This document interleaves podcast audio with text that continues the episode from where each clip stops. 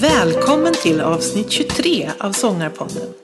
Avsnittet spelades in i april 2020. Det här avsnittet sponsras av Icing, din sångtränare på nätet. Våra professionella sångpedagoger har samlat sina bästa uppsjungningar och sångövningar. Du sjunger bara med. På köpet får rösten den träning den behöver. Direkt i mobilen, paddan eller datorn. Det är klart att du ska hålla sångrösten i form. Gå in på www.ising.se och starta din prenumeration redan idag. Han är singer-songwriter och producent som skriver låtar både till sig själv och till andra artister. Och samma dag som det här samtalet spelades in så släppte han en ny låt. Och inom kort så kommer hans musik från barnmusikalen Fjärilar i magen att publiceras på Spotify. Vi väntar på härliga Kristoffer Skog.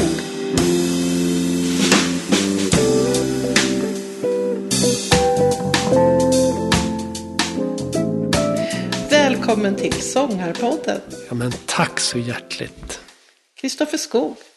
Yes. Ska vi avslöja att vi har försökt tidigare? Ja, men det är väl lika bra. Det är lika bra att säga det, att vi har haft ett sånt här härligt samtal. Men tekniken strulade och det var ju totalt mitt fel. Det är hemskt att erkänna. Det vart ingen fil helt enkelt. Ditt fel var väl att ta i. Jo. Teknikens fel. Ja, men oj vad vi strulade då. Nu har vi strulat lite igen här. Men... Fast det är ny, nya teknikstrul hela tiden. Ja, vi lär oss Ja, massor. absolut.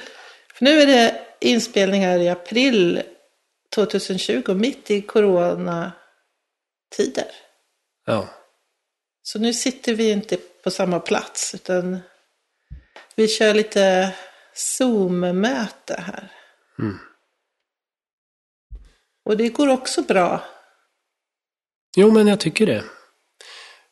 Just när man ser varandra ändå så känns det som att det, det är helt okej. Det är ju inte som att ses in real life, men det är bättre än telefon tycker jag i alla fall. Ja. Och eh, så vi testar det här då. Yes. Så. Och eh, vi ska ju prata sång och vi ska prata om att leva, som, leva med musiken, kan vi säga. Mm. För det är ju det du gör. Ja. Precis. Du eh, har ju hållit på med musik som artist och musiker under väldigt många år nu.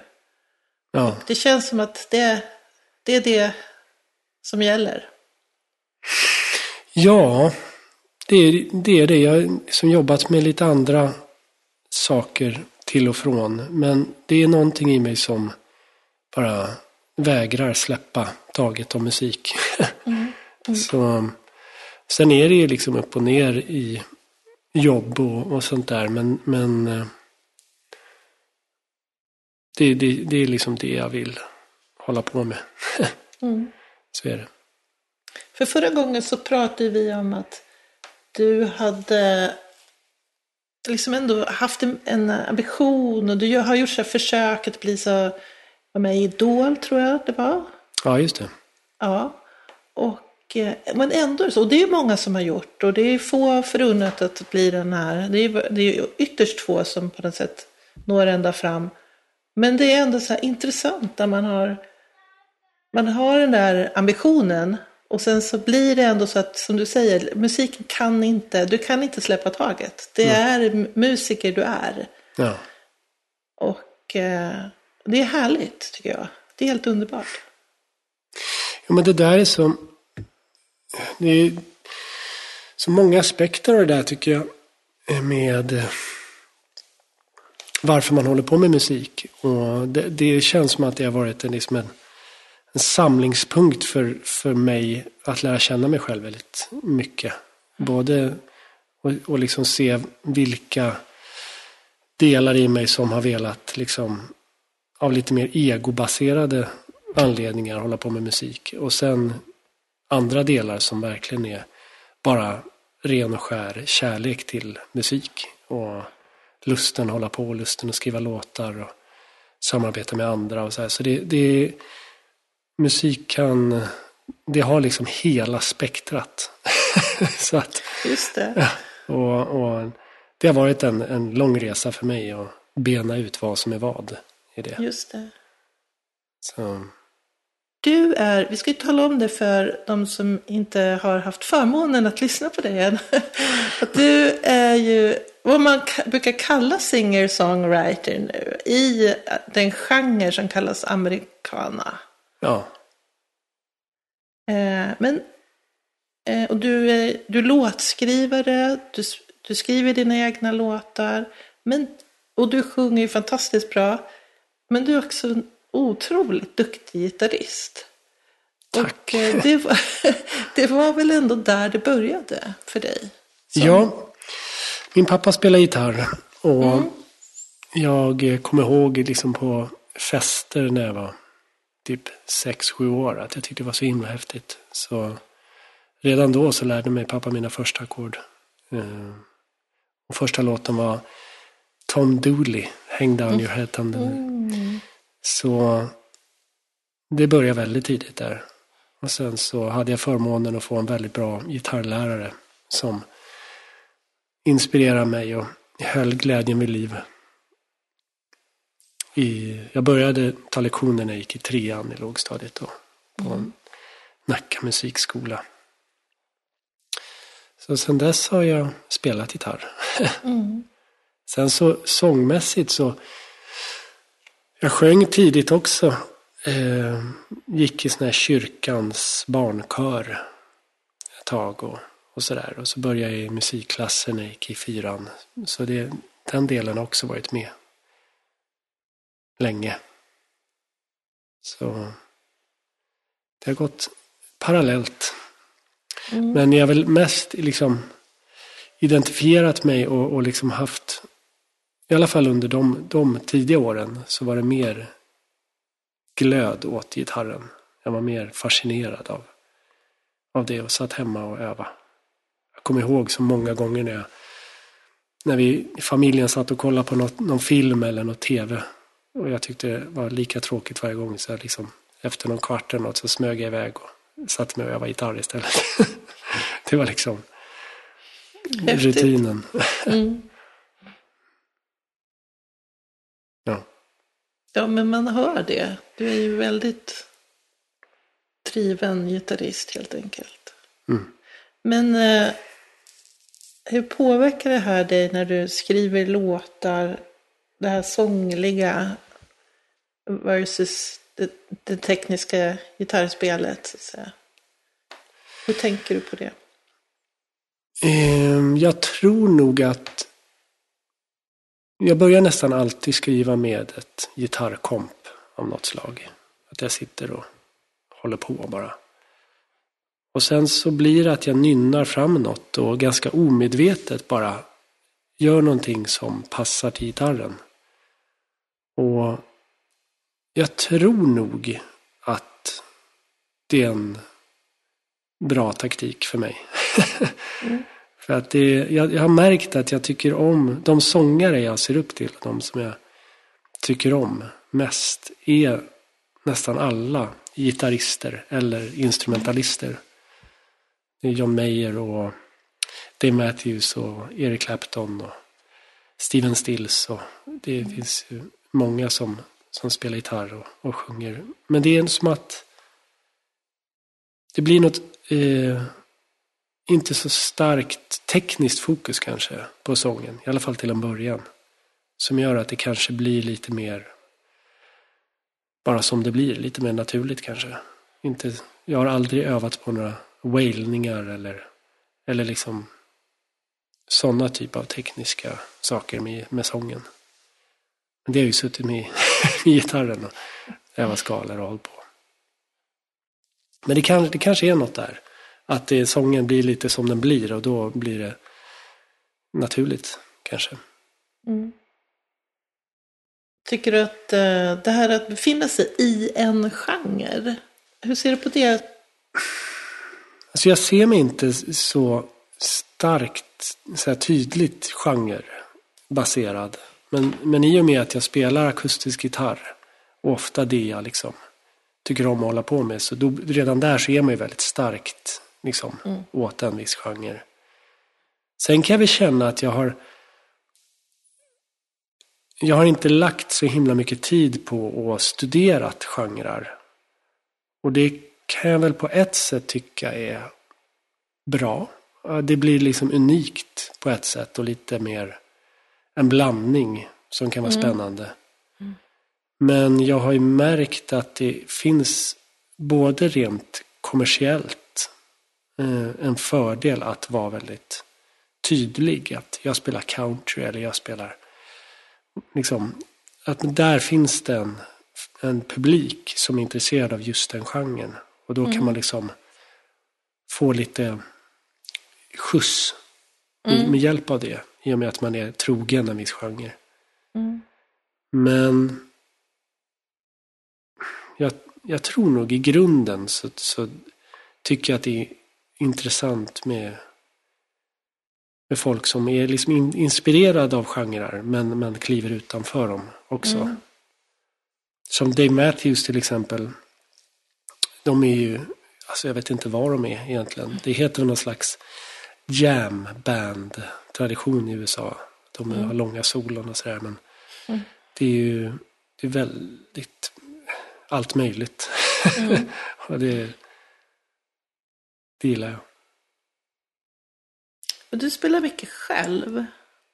Både och. Jag tycker om energin i att, att bara kunna alltså förmedla en låt med hjälp av gitarr, akustisk gitarr och sång.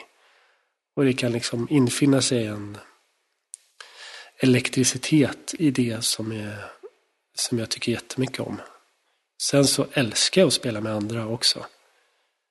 Ehm, och många av dem liksom, eller nästan alla de låtar jag har på Spotify och sådär, det är med band. Och, och spela med duktiga musiker är, är bland det bästa jag vet. Så, men när det gäller att spela ute och sådär så är det väldigt smidigt. Och jag kan ju ta fler jobb när jag, när jag kan vara själv. Det blir liksom mindre, mindre maskineri. Mm. Så Ja, jag tycker båda, båda sakerna har sina fördelar verkligen. Men jag, ett exempel är att trilla över en livestream igår av en kille som heter John Smith.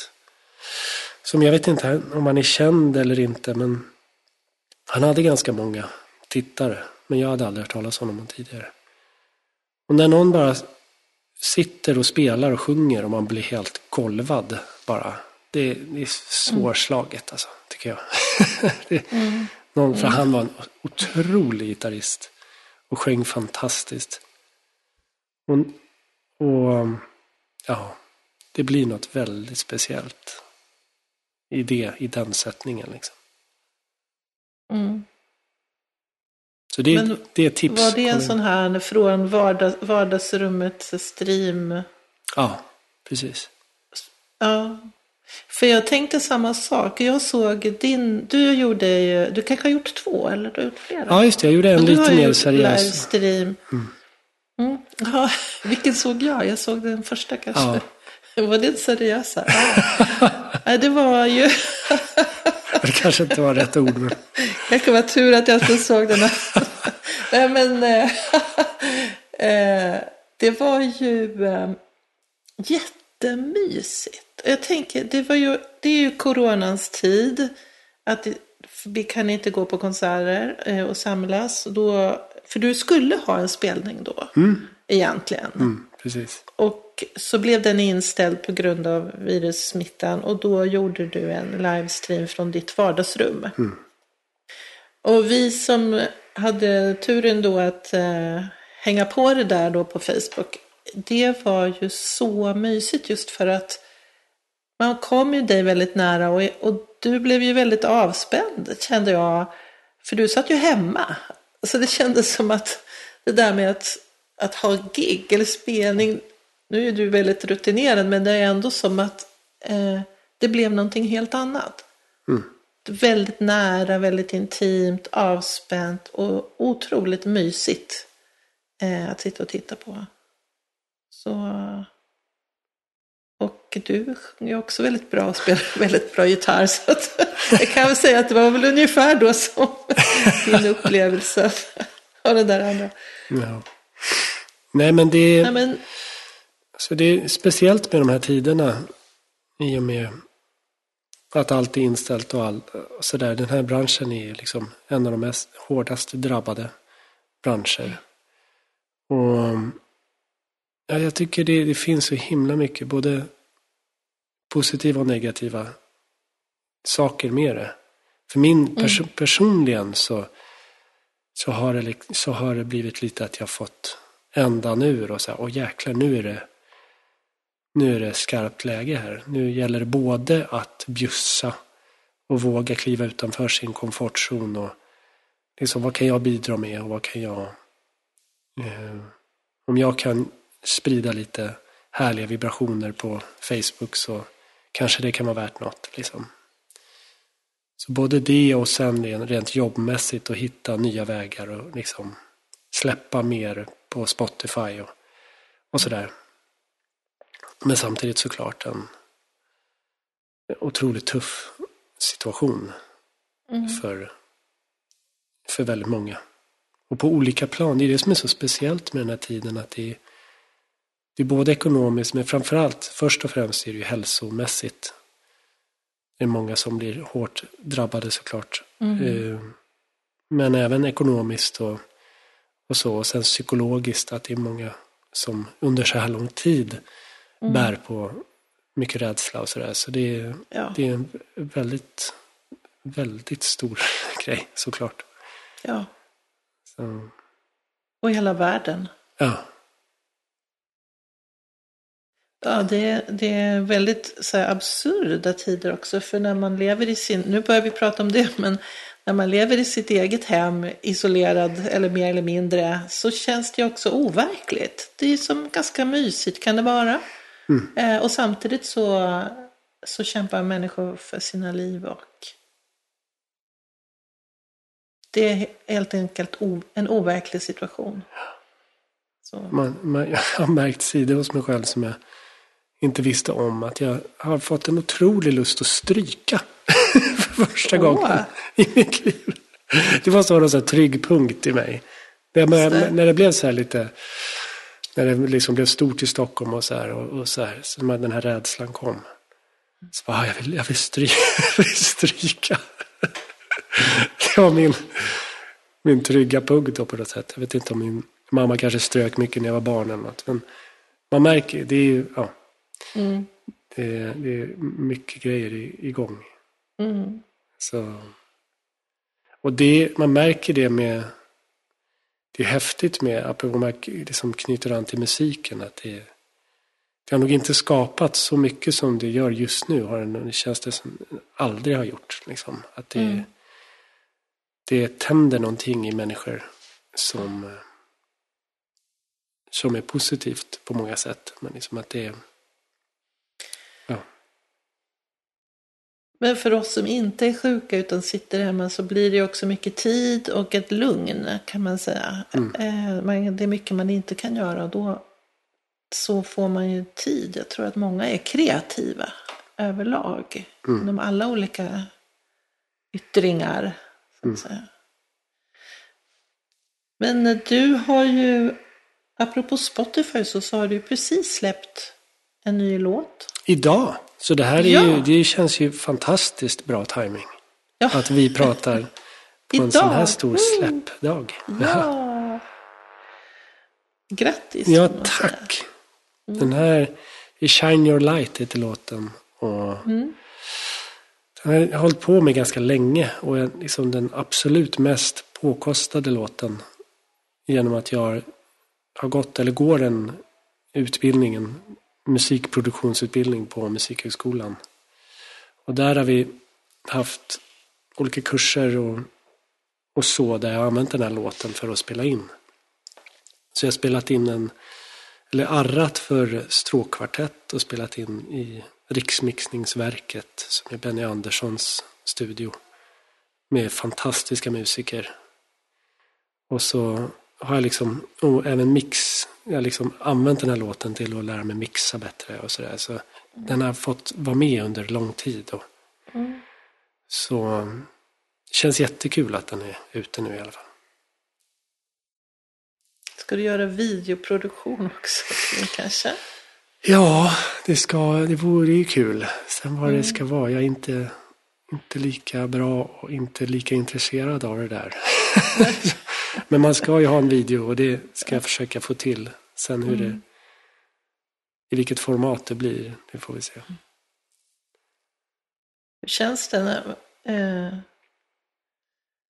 när den liksom, när, när du jobbat så länge med den och nu är den ute? Känns det så här, åh, blev det som du ville och Rent Eller- musikaliskt så, så är jag jätte, jättenöjd. Jag tycker den är verkligen, jag är verkligen nöjd med den. Så det känns jättebra. Sen är det konstigt att släppa saker nu för tiden. Tycker jag. Eller nu för tiden, kanske alltid har känts så. Men när man har jobbat så länge med någonting och så har man liksom någon slags målat upp lite en bild av att oj, det här är, ja, men det här är jättebra låt och jag tycker verkligen om det och det är så påkostat med stråkar och fullt band och man har hållit på och jobbat och lyssnat på den här låten hundratals gånger. Mm. Och sen så, så lägger man ut den och sen så, så är det ju som, när man är, jag har ju väldigt många Facebook-vänner som är i branschen och som är lika kreativa. Och nu framförallt i de här tiderna så släpper ju folk enormt mycket material i album efter album. Och det ena, och alla gör superbra grejer. Så att jag har haft lite, under dagen här så har jag haft lite berg och dalbana känslomässigt. Att det, nej. jag menar att det, det är som sagt det är jättekul att den är ute och så här, men samtidigt så märker man ju att det är, det är väldigt mycket som släpps och väldigt mycket bra som släpps. Och, ja, det är, det är lite blandade känslor kring det där tycker jag. För Det är ju det gamla klassiska, det är svårt att nå igenom bruset liksom. Men återigen det där som vi sa med ego och sånt, att jag tror att jag har börja så smått hitta en, liksom en annan plats i mig själv. En annan drivkraft kan man väl säga. Att, alltså, för om man tänker att om man får likes på Facebook eller Instagram eller får bekräftelse eller mycket kommentarer och delningar. Det är liksom en typ av drivkraft och den, den det behöver inte vara något fel på den men den är ganska den är väldigt beroende av omständigheter och ganska tillfällig. Så om man ska liksom leva på den typen av energin så blir det ganska tufft. Så att ja, med åren har jag, har jag liksom märkt att förs- jag har lagt den mer och mer åt sidan och försöker hitta bara vad ska man säga? Bara att, att det är härligt och roligt att hålla på. Och, och att det får vara eh, den stora drivkraften. Och också lite liksom, om man har någon låt som kanske man tycker handlar om något som känns viktigt. Att det kan vara en drivkraft. Att få ut saker och, och, och på den vägen liksom hitta någonting. Men det är väl lite den här processen med både Shine Your Light men andra låtar som jag jobbar mycket med. Att tillåta sig själv att så här, men det, är inte, det är inte bra förrän jag är nöjd. Men när jag väl är nöjd då kan jag unna mig och känna att så här, yes, gud vad, vad härligt. så då, att den, det, den processen får vara lite mer inombords. Mm. Och sen så kan man ge ut det och så får det liksom leva sitt eget liv Mm. där ute på något sätt. Ja, det är väl något sånt. Jag tycker det låter helt fantastiskt att nå till en sån plats. Men det är, ja, jag vet inte, vad jag ska tillägga. Det är härligt att bara prata lite om det så här. För att det blir, det blir lite tydligt vad. För jag har hållit på mycket med meditation och mycket med liksom den typen av inre sökande liksom, under många år.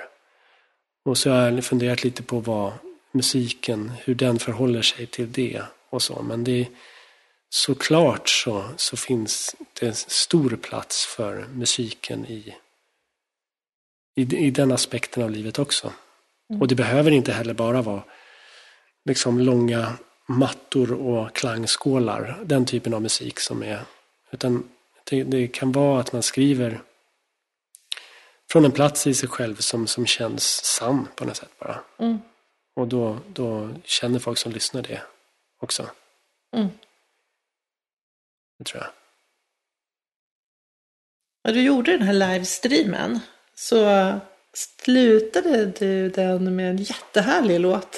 Ja. Som var lite sådär jätteglad och härlig. Tillsammans med eh, din sambo kanske? Eller? Ja, min fru till och med, Cecilia Din fru. Wrangel. Ja. Ja, helt fantastiskt. Hon kom ut där och så sjöng du så här. Och det var så charmigt. Eh, lucky me, lucky ja, you. just det. Eh, Parade of Love heter låten. ja, Lucky me, lucky you, lucky anyone who wants to join in in the parade of love. så charmigt. Ja, nej, den måste vi bara spela in och försöka Ja, det få måste ut. ni. Liksom. Den är, för den är, det är verkligen en sån här låt som... Det var en sommardag ute på mina föräldrars landställe där det bara var så här superhärligt. Jag hade en liten leksaks-ukulele. Så bara tramsade vi och så bara började vi nynna på något och så, så blev det den där. Mm. Så, så nej, den, måste, den måste ut på något sätt. Men det var kul att vi gjorde den där. Det blev spontant. Ja, men lite grann tänker man på vad Ja, du är spontant och vad är som är härligt att lyssna på för att bli delaktig av. Och det, jag tror att du, ni fick ju ut det där. Man kände verkligen att ni hade just gjort sådär, suttit och varit lyckliga på någon kobbe någonstans. ja, Ja, jätte, jättehärligt. ja det är kul. Man måste ju leva också som musiker och eh, du pratar om att du går en utbildning. Mm. Eh, men du jobbar också i skolan, Jag har gjort Eller? framförallt. har gjort. Ja. Ja. Lite, jag har jobbat inom fritidsverksamhet och jobbat förskolan som Mm. barnskötare. Så jag har haft en herrans massa olika jobb. Mm. Så, och det... Och sen gör ni, ursäkta nu, Nej, kör. sen gör ju ni eh, barnmusikaler Ja. också. Precis. Ja. Det är Fjärilar i magen heter den Ja. senaste föreställningen. Som, och det är lite så här, ah, vi har ganska många sådana spelningar under året nu som har blivit inställda och det känns inte så kul. Så Nej. det, jag hoppas att de, i nuläget så är de bara framflyttade och vi får hoppas att det blir så. ja. Att vi får spela dem i höst. Men det är en, eh, en musikal som min fru Cecilia då har, hon har skrivit manus. Och så har jag skrivit låtarna. Och så är det en tjej som heter Sandra Kamenisch som har skrivit låttexterna. Och, och det är något med, jag har jobbat ganska mycket med barnföreställningar. Och det är något med den energin och den lekfullheten som jag tycker är helt underbar. Så den, den, kommer också faktiskt på Spotify nu. Jag tror om en vecka den släpps. Jaha, Mm, vad den, roligt. de låtarna där. Ja. Så, Och då kan man söka på, söker man på dig och ditt namn? nej, fjärilar i magen. Fjärilar kommer i den- magen. Ja, kommer den ligga under. Mm. Så, Apropå ditt namn, Kristoffer Skog, mm. så hade du ett annat artistnamn förut. Ja. Jag hette The Second Bird ett tag. Eh, och det, bakgrunden är väl att jag har ett efternamn som förut, som jag stavade ganska krångligt, S-C-H-O-U-G. Ja, Och så har jag funderat så många år hur jag ska... Men jag har försökt massa olika artistnamn och sådär så har det inte känts rätt. Och, och så. Och sen så... Så, så till slut så bestämde jag mig för att heta The Second Bird. Mm. Som har lite kopplingar till det vi pratade om med meditation och sådär. Eh, men nu har jag, nu har jag Ja, men det får du berätta. Nu förstår man inte. Nej. Berätta, second bird. Nej, men det, det var en, en vis man som hade, som heter Muji, som, som hade en liten anekdot om, om ens, att man har liksom, är olika aspekter av en. Eh, och att man, den ena är liksom den delen av en som är mitt uppe i livet, som, som tänker på det förflutna och tänker på framtiden och har massa sysslor och saker att göra. Och kan känna stress och kan känna eh, förväntan och massa, massa olika saker. Så det är liksom en aspekt. Men sen så finns det en, en bredare och, och liksom mer stilla aspekt av en. Som, som är alltid bara här och nu. Och som är, man skulle kunna känna det lite som att den, den är liksom bredare, lite mer runt om. Och det han pratade om det som att han hade, jag tror att han hade sett en tavla med två fåglar. Där är den första fågeln satt eh, vid i liksom ett bo på en gren och höll på att fixa boet och höll på att liksom göra. Sen var det liksom lite längre bak ehm, och lite högre upp så var det en, en andra fågel som bara observerade den första. Och då sa han att försök hitta den där den andra fågeln i dig. För där, där är liksom där är det stillhet och där är, det, där är allt okej. liksom. Och Jag tyckte den var fin den där liknelsen så jag hade det som en liten påminnelse för mig själv att, att vara i the second bird. Liksom, medvetandet lite mer. Mm. Och jag tror att den, den är- väldigt liksom, den har hållit på med många år och liksom känna, känt in den. Och det känns som att mycket av det kreativa alla håller på med, som kommer någonstans ur det. Ur det tillståndet. Jag, jag har läst en bok som heter Flow. Av en författare jag inte, han heter Mihaili. Och sen har han ett efternamn som, är, som jag inte kan uttala. Men, men, eh, och det flow-begreppet är lite liknande det här. Liksom det är någon slags avsaknaden av den här personliga storyn. Utan man går in i nuet på ett, på ett sätt. Men det kändes ändå som att jag ville heta det jag heter ändå. Så nu heter jag har bytt stavning på mitt efternamn, så nu heter jag Kristoffer Skog. Med, där Skog stavas S-K-O-U-G. Så då Mm. så har jag gått hela varvet runt på något sätt i det där. Det är också en resa. Ja, verkligen. Och det är också en... Jag släppte, min första skiva släppte jag under det namnet. Och sen så då min andra skiva släppte jag under The Second Bird. Alltså jag har känt att jag, jag nu som på Spotify och iTunes och så, där, så vill jag ha allt samlat på ett och samma ställe. I och med att jag Mm. är en person. Så, så nu får det bli så. Ja, Så allt kommer ligga under jag tycker det låter bra. Kristoffer Skog. Ja. Det gillar vi. ja, det är inga konstigheter. Jag tänkte, vi måste ju prata mer om sång. Ja, det måste vi göra. Du började som med musikklass. Mm. Då sjöng ni kanske kör. Ja. Mycket. Väldigt mycket. Ja. De där åren på musikskola, har de blivit en grund eller känner du att du är en väldigt naturlig sångare? Utan liksom... Eh, alltså, det har varit en, en resa det där. För att det, alltså det finns ju så himla mycket positivt man får av att sjunga i kör. Och i och med att jag gjort det så himla många år och ifrån redan liksom kyrkans barnkör och sen så musikklass från fyran och så gick jag den till nian och sen så gick jag Stockholms musikgymnasium som verkligen är så här klassisk avancerad körsång Just från alltså gymnasiet där. Så, så har jag liksom, det är ju lagt en, en musikalisk grund som, som är otrolig på det sättet. Med just med intonation och med lyhördhet till andra och också liksom lära sig att jag sjunger en melodi och någon annan sjunger något annat och att man lär sig hålla sin del. Liksom.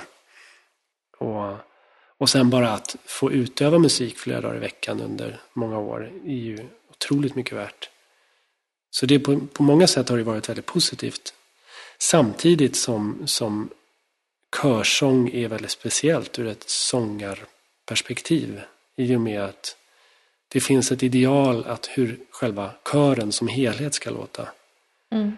Och då får varje enskild individ anpassa sig efter den klangen och passa in i den klangen. Som, som gör att det är väldigt lätt att tappa sin egen unika röst och sitt sound och gå in i något annat. Liksom.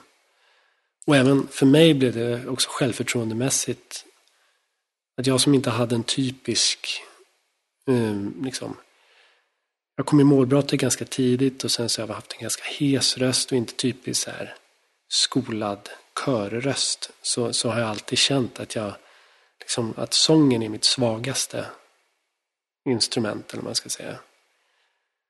Um, så det tog ganska många år från jag slutade sjunga i kör till att jag liksom kände att jag hittade min röst. Mm. För då hade jag, så musikaliteten eller intonationen och, och den var aldrig något problem. Men, men självförtroendet och kraften och passionen i rösten hade jag inte alls hittat liksom, när jag var 20 eller Mm. 25. Utan det var kanske runt 30 där började. Oj. Liksom Mm. Jag kände att jag började hitta ordentligt. Det var en, min första skiva spelade jag in med en producent som heter Lars Halapi. Och det gjorde jag när jag var 27, 26. Och han gjorde jättemycket för, för mig. Att, liksom, att liksom, jag hittade min, vågade utforska min egen röst och var trygg i att det låter bra när jag sjunger som jag känner för. Och, och liksom ja, släppa lite på, på prestationen kring det. Mm. För det. I och med att det är så viktigt i körsammanhang att sjunga rent så, så var det som att jag hela tiden hade, höll ett öga på mig själv. Och liksom granskade hela tiden hur jag sjöng. Så, och utvärderade det konstant. Och det är väl ett ganska bra sätt att totalt tappa känsla. Mm. Så, så mer, mer och mer bara ah, sjunga på det sättet som känns skönt. Mm. Och, och fånga känsla med det. Men det, det är också, det har varit min resa. Andra som kanske aldrig har tagit en sånglektion eller aldrig har, utan bara har sjungit hemma. Och kanske jättemycket, liksom, både en unik klang och också massa känsla. Då kanske en, liksom en annan typ av resa kan behövas. Att man, både för att skona rösten men också för att få kontroll på, på pitch och sådär. Att man tar lite sånglektioner och strukturerar upp rösten lite. Så det där är, det är ju väldigt unikt på det sättet beroende på vad man, vad man är. Mm. Jag tänkte det här med röst, att den, sångrösten, att den är, det är så känsligt. Mm. Det är många som vittnar om det, olika situationer som har påverkat en och inte, man vågar inte sjunga och det har varit känsligt. Och det är tråkigt Mm. att, att det ska ta, som för dig, många år. Och då har ju du ändå hållit på med sång och musik sedan du var liten. Och ändå så är det som att det är en lång väg till det är att våga, vara, våga uttrycka sig på riktigt. Som man vill. Ja, det är så här jag vill låta. Nu gör jag det. Så.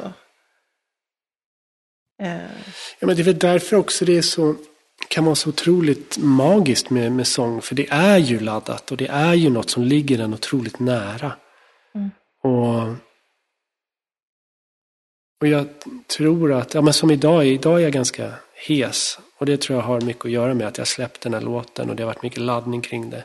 Och jag vet liksom att, jag lärt känna mig själv att när jag känner mig pressad och lite stressad och spänd så sätter det sig på stämbanden på en gång. Det är liksom första tecknet på det. Eh. Och det, man, det... På ett sätt är det ju jobbigt, men också så är det ju väldigt fint att, att det är känsligt och det är liksom speciellt.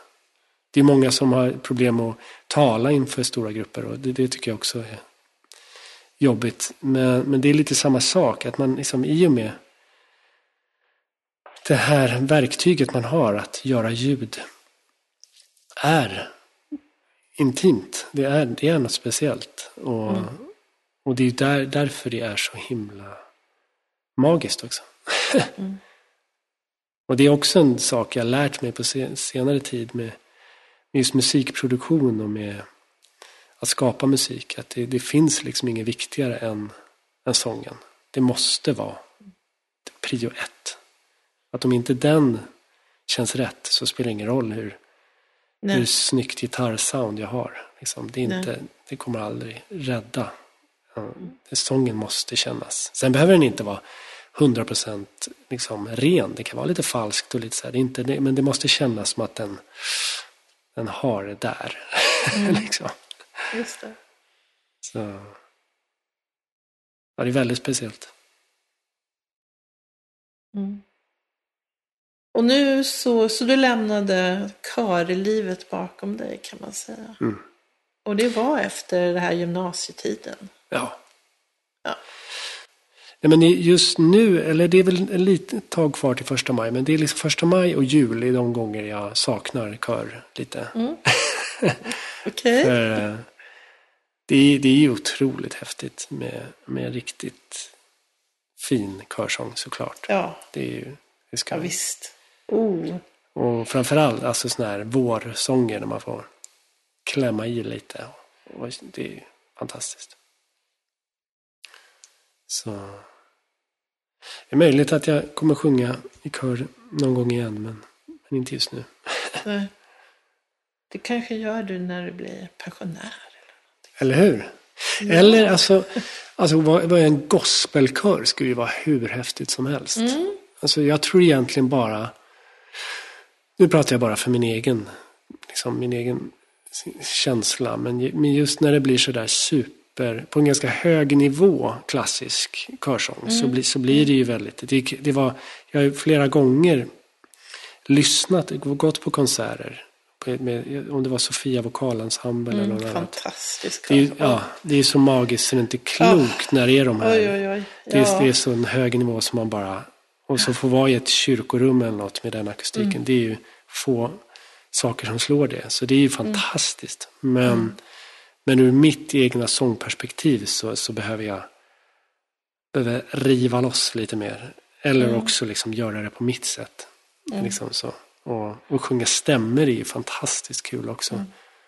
Så, men då, då tycker jag just nu att det att man kanske är en eller två personer per stämma. Så att man, man har ett... Mm. Man bär någonting vä- mycket själv. Att man, eh, för det jag hamnade i kören var ofta att jag liksom var lite osäker så att jag mörkade och lät andra... Liksom, om, vi, om man var liksom... Ja, kommer sanningen fram. Ja, men om man var kanske typ, vad kan man ha varit, sju stycken per stämma eller något. Eller fyra, eller beroende på hur många stämmor det var. Så, så kunde man ju liksom halvsjunga.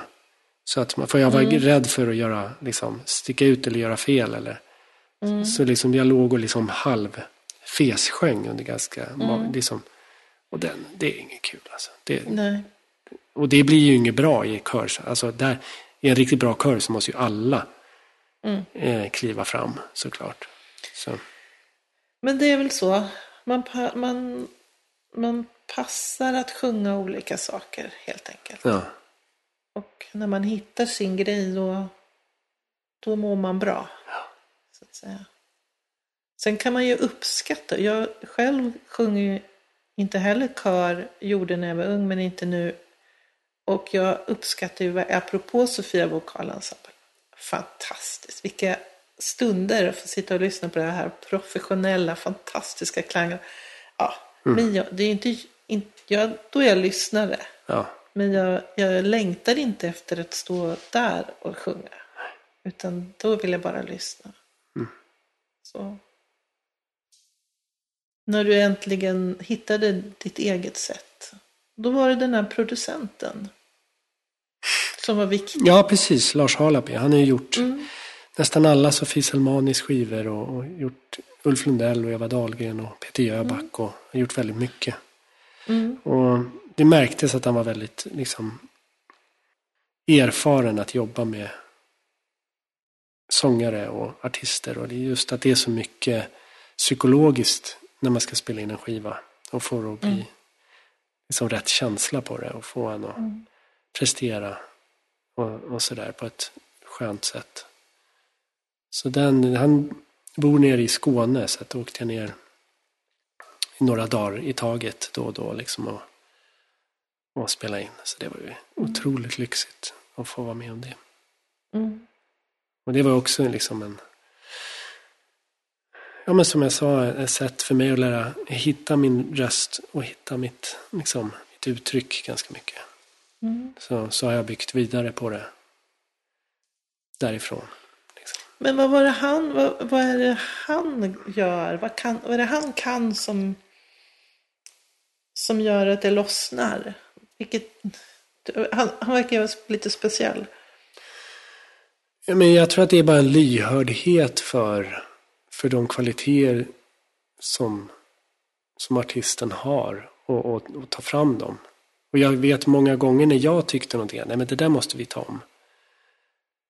Eh, och han sa, nej, nej, nej, det där var ju magiskt.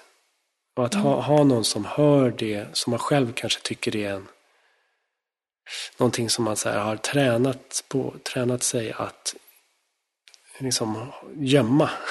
och sen Mm. så, så sa han, men det där är ju unikt och det där är ju jättefint. Jag kommer ihåg, jag hade en låt som var ganska mycket upp i någon slags falsett eller i alla fall halvröst.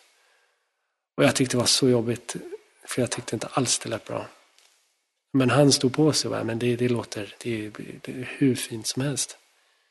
Så, och nu när jag lyssnar på det så, så har, nu har jag inget kvar av den lilla liksom rädslan jag hade före då. Så nu hör jag ju verkligen att det, här, det, det låter ju inte alls dåligt. men, men, om, men om jag hade spelat in skivan så, liksom utan honom så hade jag aldrig tagit det beslutet. Så det, jag tror att en bra producent gör precis så att man liksom, han, han eller hon hittar det som man själv inte ser eller väljer att gömma undan och sen ta fram det. Så, det tror jag är jätteviktigt. Så det var mest det han gjorde för mig. Att så här, våga. Så, ja, men det, det låter bra där uppe. Det är okej. Kör på. Mm. och, just Härligt. och en annan grej med, just med körsång var det så mycket prat om att man inte skulle bli utsliten och sådär. Så jag hade liksom en känsla av att jag inte riktigt vågade pressa rösten. Eh, men, men där var det också, ja, men där testade jag att liksom pressa så att det inte gjorde ont men att jag fick jobba liksom och blev spänd och blev, höll på liksom och ta i jättestarkt. Och, och där märkte jag att jäklar, det finns en hel liksom aspekt av min röst som jag inte har vågat testa för att jag tror att jag kommer skada mig. Och det tror jag ganska många som känner, att man är rädd för det där att få knutar eller att det blir, man blir sliten. Och, och jag tror att man kan utforska det där och hitta sitt sätt att pressa rösten utan att det är skadligt. Mm. Jag tror det är jätteviktigt att aldrig göra någonting som gör ont. Mm. Men att våga liksom verkligen spänna sig eller pressa så att det verkligen liksom ja men laborera med rösten. Mm. Det tror jag det tror jag är okej att göra och jäkligt kul. För då blir det så här, wow, kom det där fram? Mm. Så, så märker jag också att i min röst mår, som nu, nu när jag är lite hes, om jag skulle göra ett, en, ett gig ikväll på någon lite halvstökig restaurang eller någonting. Så skulle jag, ah, jag skulle ha en fantastisk röst imorgon. för min, min röst behövs liksom jobbas med. Eh, och för, att, för att komma i form. Så, Vad spännande. Man tänker normalt att man då, man hes är, då måste vi ta det lite lugnt och kan inte sjunga nu och vila och så vidare. Då är det tvärtom för dig. ja. Sen så har jag aldrig, jag har aldrig liksom haft hundra spelningar på rad. Så jag vet inte hur det är i, i, så här, Ja. Mm. i sådana sammanhang. Vad som, vad som gäller då. Jag tror att sjunga Mm. upp och sådär tror jag är jätteviktigt. Eh, men, men återigen för min del så, så har jag ganska eh, långt till att bli liksom, sliten på ett, på ett ohälsosamt sätt. Mm. Sen så är jag så himla imponerad av sångare som typ Dave Matthews. Som sjunger, alltså de har ju såna här två och en halv, tre timmes konserter. Och han sjunger som att det vore det sista han skulle göra i livet varje kväll. Och har såna här turnéer med 50 gig på en sommar. Och de gör säkert, nu är, gör, de ju, gör de ju inte det just i år, men de senaste 20 åren så har de ja, spelat ja, men, 150 spelningar om året eller något. Mm. Och, och han håller. Mm. så, så, och just att han, han messjunger inte, han sjunger allt vad han har. Liksom, Mm. Varje kväll. Och det är superhögt och det, ja, det är allt möjligt. Liksom. Men så rösten, om man, om man lär känna sin röst så, så kan den ju orka väldigt mycket. Ja, och då är den ju igång Mm. också. För att någonstans är det där, jag tänker många av oss som är amatörer, vi, till exempel om man är med i en kör då, och kanske man inte sjunger nästan alls, utan när man går till sin körrepetition och sen är det plötsligt många konserter på rad. Och det är klart att det kanske är mer slitsamt än att sjunga varje dag till exempel. Så våga testa. Jag pratade förra, eh, häromveckan så pratade jag med hårdrockssjungande Samuela Burenstrand. Vi pratade growling eller grant som hon sa. Det var ju också utmanande för rösten. Ja. Hon har också vågat testa. Och våga utforska det här som är ett, ett skrikande ljud egentligen. Ja. Det funkar också. Och det är man ju instinktivt väldigt rädd för. Det här kommer ju skada mig. Men det funkar. Även det funkar. Det är så. Ja, jäklar. Undrar om man kan kombinera singer-songwriter med growling. Vi får se, det kanske blir nästa skiva. Det borde gå. Samuela håller ju på med jazz å å ena sidan och sen är det Ah, hårdrock på den andra. Så att eh, hon skulle utforska lite grann om man kunde blanda men att det du gör med att gå mot det här hårdrockssättet att sjunga. Det tror jag skulle vara ganska spännande. Ja. Kanske inte hela tiden men slänga in. Eller ja, kanske. kanske. Man måste ju, nu är vi ju inne i så här kreativa perioder Precis. här. Så att nu kan man testa vad som helst. Japp. Jag ser hur det börjar glimma i ögonen där. Mm. ut.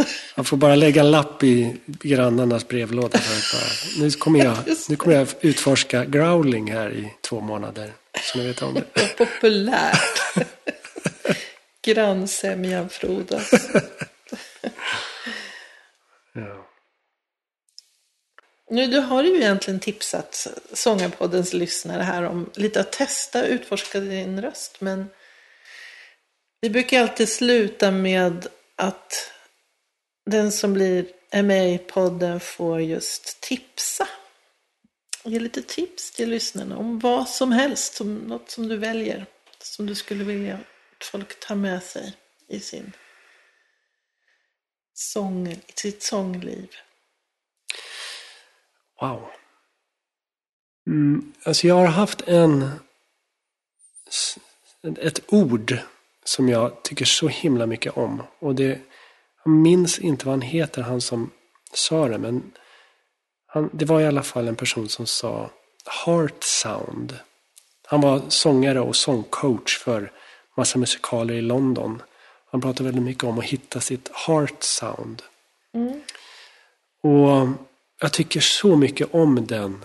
Det, alltså, det ordet, att hitta sitt hjärtats röst på något sätt. Att, att utforska, vem är jag som i min ja, men, sångröst.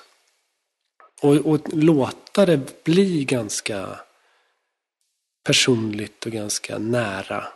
Och jag tycker om liknelsen att man, man svarar i telefon.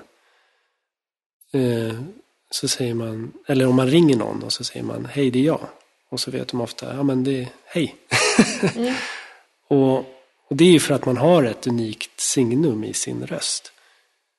Och, och, och utforska det i ett, ett sångperspektiv.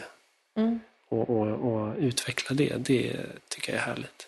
Och koppla det mycket till, till vad man känner. Sång kan ju vara otroligt terapeutiskt, otroligt förlösande.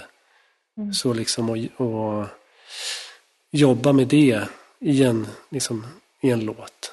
Och, och, verkligen försöka få det att bli på riktigt och nära. Liksom. Det skulle jag vilja säga. Det är mitt tips. Vad härligt. Då säger jag tack så mycket. Men tack själv. Så himla lyxigt och kul att få prata med dig och prata sång och musik. Ja, så har vi det här.